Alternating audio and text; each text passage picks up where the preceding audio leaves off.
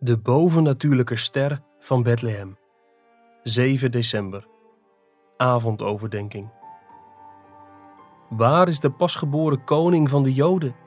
Want wij hebben zijn ster in het oosten gezien en zijn gekomen om hem te aanbidden. Matthäus 2, vers 2. Steeds weer gaat de Bijbel ons voorstellingsvermogen te boven en vragen we ons nieuwsgierig af hoe bepaalde dingen hebben kunnen gebeuren. Hoe kon deze ster de wijze uit het oosten bijvoorbeeld in Jeruzalem brengen?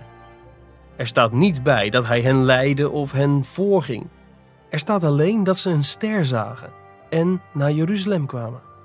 Hoe ging die ster hen voor op de kleine 10 kilometer tussen Jeruzalem en Bethlehem, zoals vers 9 zegt? Hoe kan er een ster staan boven de plaats waar het kind was? Het antwoord is: dat weten we niet.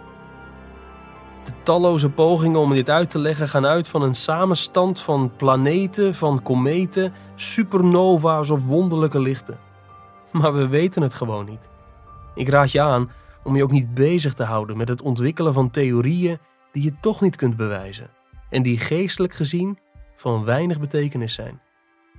Op het gevaar af dat ik ga generaliseren, wil ik je toch waarschuwen. Mensen die altijd druk zijn met vraagstukken zoals hoe het precies zit met die ster, hoe er een pad kon komen door de Rode Zee, hoe er manna kon vallen, hoe Jona het overleefde in de vis en hoe de maan kan veranderen in bloed, zijn meestal figuren die zich erg kunnen vastbijten in bijzaken. Je merkt bij hen vaak weinig passie voor de kernzaken van het evangelie.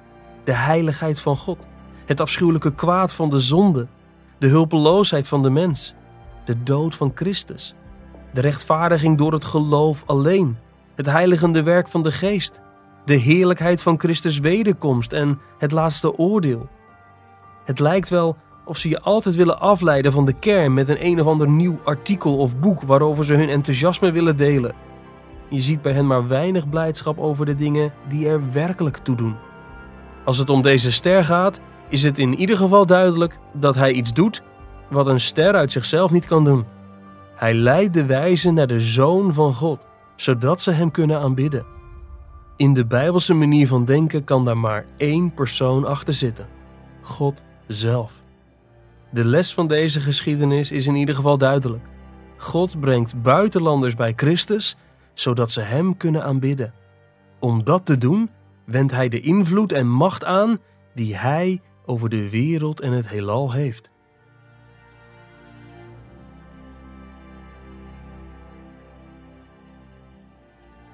Je luisterde naar een overdenking uit het boek Onwankelbare Vreugde van John Piper.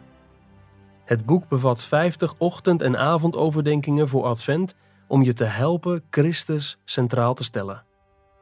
Ga naar de webshop van Geloofsterusting om het boek te bestellen of ga naar onwankelbarevreugde.nl voor een online dagboek voor het hele jaar.